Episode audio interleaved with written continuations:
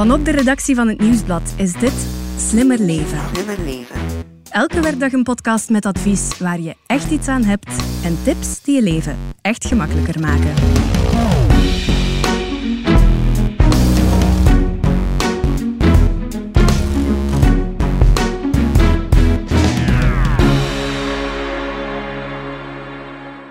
De podcast van vandaag kan volgens mij levens redden of alvast relaties, daar ben ik van overtuigd. We gaan het namelijk hebben over de impact van kinderen op je relatie en vooral hoe kom je er doorheen. Ik ben Elias Meekens en bij mij zit Stefanie Verelst, vaste redactrice van de podcast. Hey, hallo. En Tini Brandt, coördinatrice van Slimmer Leven. Hey, dag Elias.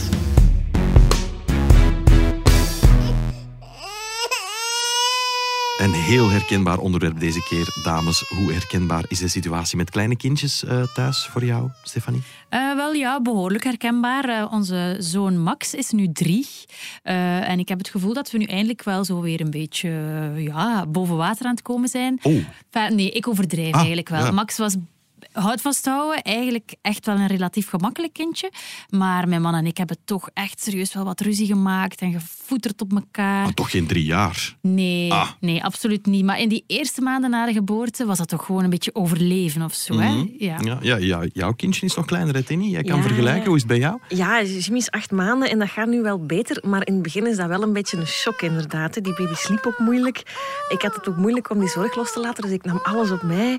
Eh, er moet ook veel meer gedaan worden in het huishouden. Dus dat is, je leven verandert echt wel compleet en dat is even wennen. Ja. Ehm, maar ik, ik ben daar ook niet alleen in. Hè. Ik, eh, ik las onlangs zelfs dat Michelle Obama ook in een podcast had vermeld dat ze de jaren toen haar kinderen nog klein waren, Barack Obama uit het raam wilde smijten. Dus het, het overkomt gewoon de beste koppels. Wat een geruststelling. Voilà. En ik hoorde al acht maanden, dat is al een heel ander geluid. Ja, daarom is het wel belangrijk natuurlijk dat we de situatie benoemen zoals ze is en dat we ook met oplossingen komen natuurlijk. Ja, ik heb koppels wel uit elkaar ook zien gaan hoor, zo Ja. Kort na de geboorte. Dus dat is, dat is zonde. Ja, het is overal moeilijk natuurlijk. Ja, hè. dat klopt. Bij het ene gezin gaat het misschien iets vlotter dan bij het andere, maar die roze wolk, hè, waar iedereen het dan over heeft, dat is toch eigenlijk wel gewoon een fabel. Ja? Ja, we hebben over dit onderwerp gebeld met relatietherapeute Rika Ponnet. En zij noemt het krijgen van kinderen zelfs eigenlijk een crisissituatie Oei. voor een koppel. Want dat evenwicht dat op een zeker ogenblik binnen de relatie ontstaat, wordt gewoon ineens op losse schroeven gezet. ineens ja, moet er s'nachts opgestaan worden. Schiet er niet al te veel energie meer over als men dan ook nog overdag moet werken. Eh bij gevolg schiet het sociaal leven daarbij in.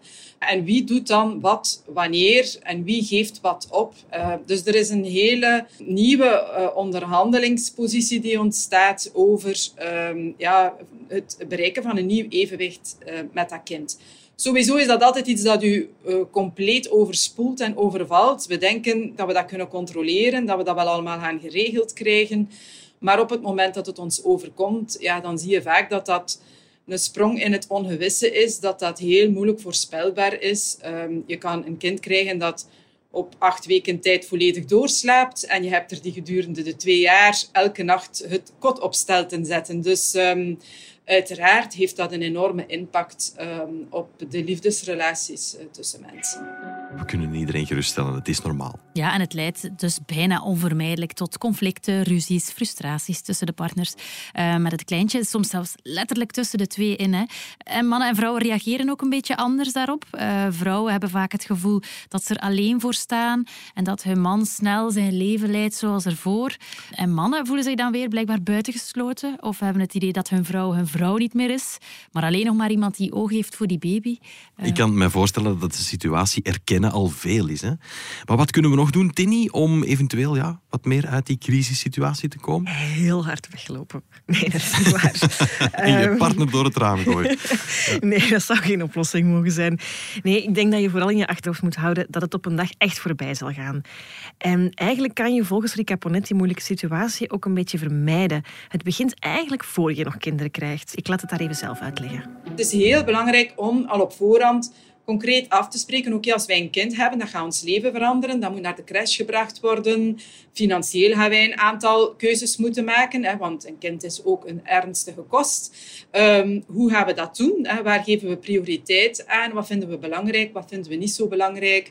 Gaan we nog op reis gaan? Op welke manier gaan we op reis gaan? En niet dat dat allemaal vastgelegd moet worden, maar het feit dat je daar allemaal openlijk over praat, maakt ook dat je een stuk weet hoe de ander over een aantal zaken denkt. En dat je ook veel makkelijker tot een compromis kan komen en ook makkelijker het gedrag van de andere nadat dat kind er is, zal kunnen kaderen of je daarin zal kunnen inleven, waardoor er toch minder destructieve conflicten zijn. Hebben jullie dat gedaan? Kijk even naar Stefanie. Um, wel, het ding is dat mijn man al twee kindjes had. Dus Ja. ik heb ook twee pluszonen.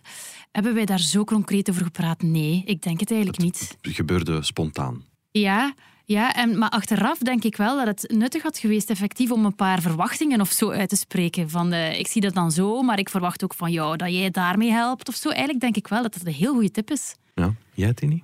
Het is ook moeilijk, vind ik, om daar op voorhand over te praten, omdat je totaal niet kunt inschatten wat voor situatie dat, dat gaat zijn. Mhm. Je kan je daar eigenlijk bijna niet op voorbereiden, maar inderdaad, ehm, Maar concrete dingen zoals gaan we nog op reis en hoe dan? En hoe zit het met de financiële kant van de zaak? Daar heb je het toch over gehad? Of? Ja, maar de verwachtingen waren daar echt heel anders. Ja. Ik, ik, ik ging ervan uit, natuurlijk gaan wij nog op reis. En natuurlijk gaan wij die baby af en toe bij mijn ouders achterlaten en een keer goed gaan eten. En als die baby er dan is en zo klein en fragiel is, dan kon ik daar niet van weg. En dan had ik zoiets van, no way dat die baby gaat logeren, die baby blijft bij mij. en dat maakte het soms wel moeilijker. Nu, het gaat over goed en open met elkaar praten en dat is een belangrijke. Dat is heel vaak zo als het over relatieproblemen gaat. Ehm, en experts geven ook aan dat koppels die voor ze kinderen kregen al goed en open met elkaar konden praten, dat de problemen met een kind ook iets minder groot zijn. En omgekeerd ook, als koppels het moeilijk hadden om open te zijn tegen elkaar ehm, en goede afspraken te maken, dat de uitdaging veel groter is, ook met kindjes bij. Ja, we moeten gewoon blijven zwemmen, Stefanie. Ja, en Rika Ponet vergelijkt het ook echt letterlijk daarmee. Eh, het is een sprong in het diepe water. Je moet blijven peddelen en zorgen dat je niet zinkt. Maar ze voegt er eigenlijk nog iets interessants aan toe. Eh, zeker in het begin, dat dat kleintje in je leven is. Het allerbelangrijkste in die eerste maanden is elkaar wat ontzien. Dat merk ik telkens opnieuw. Relativeer het allemaal een beetje. Het is ook van voorbijgaande aard, die eerste periode. En eh, ontzie de anderen. En dat kan je ook door bijvoorbeeld ook toe te laten dat er mag gezaagd worden. Je ziet dat er een aantal mensen zijn, die, en ook vooral vrouwen, die het in het begin heel moeilijk hebben als een man eh, ongenoegen uit over, ja, er is hier nog voor niets tijd en eh, die kleine weent de hele tijd. En vrouwen zijn daar hypergevoelig voor. Hè. Dat babytje, dat is dan vaak alles waar ze van gedroomd hebben en daar mag geen... er mag niets van kritiek op gegeven worden, want dat is het nu helemaal. Ehm, terwijl dat helpt ook als iemand daar zijn frustraties kan over ventileren, dat gewoon te mogen uiten en dat gewoon te mogen uitspreken. Ik zie een instemmende glimlach eh, bij jou, Stefanie. Herkenbaar? Ja, sorry, ja, maar ik vond het wel aangenaam om te weten dat je mag zagen, ja. ja. Het is een vrijgeleide, een goed excuus. Ja, ja, ik snap het. We gaan het zo meteen nog hebben over wat je als koppel nog kan doen om het eh, ja, samen wat meer te redden. Een date night inplannen bijvoorbeeld. Maar we kijken ook uit naar het einde van de hele babymiserie. Maar dat is voor straks. We gaan er eerst even tussenuit. Tot zo. Hey, ik ben Xander. Wist je dat je je CO2-uitstoot met 130 kilo per jaar kunt verminderen door twee dagen per week geen vis of vlees te eten? Voor de podcast Ik geloof erin van Engie ben ik op zoek gegaan naar mensen zoals jij en ik die geloven in een koolstofneutrale toekomst. Laat je inspireren en krijg praktische energiebespaartips. Luister nu zaterdag in deze podcastfeed naar het verhaal van Moenia, een jonge onderneemster die een ecologische webshop startte.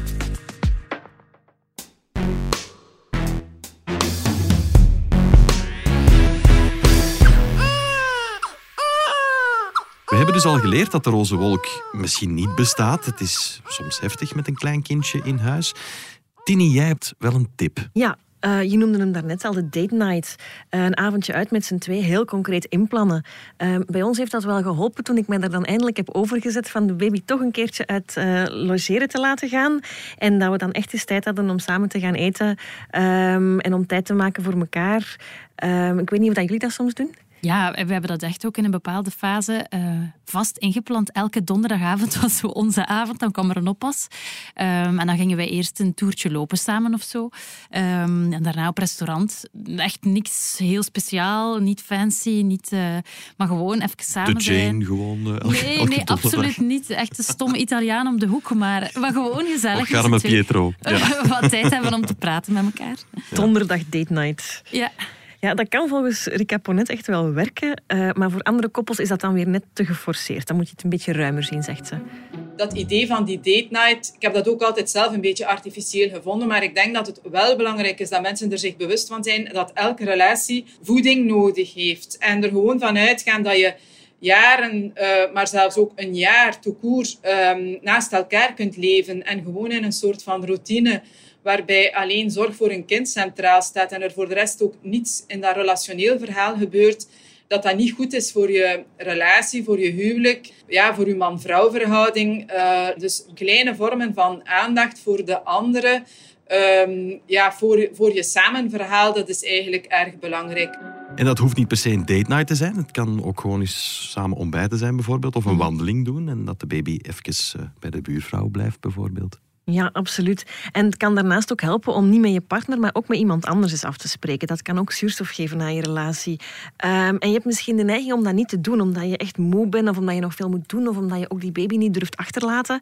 Uh, ga je die koffie met de vriendin toch maar afbellen. Maar eigenlijk moet je dat gewoon doen. De eerste keer zal je daar misschien heel de tijd aan die baby's te denken van zou het allemaal wel goed gaan. Maar de tweede keer gaat dat ook alweer beter. En, en als je eens afspreekt met iemand anders buiten de kokon van je gezin, kan je dat echt opladen om er daarna weer tegen te kunnen.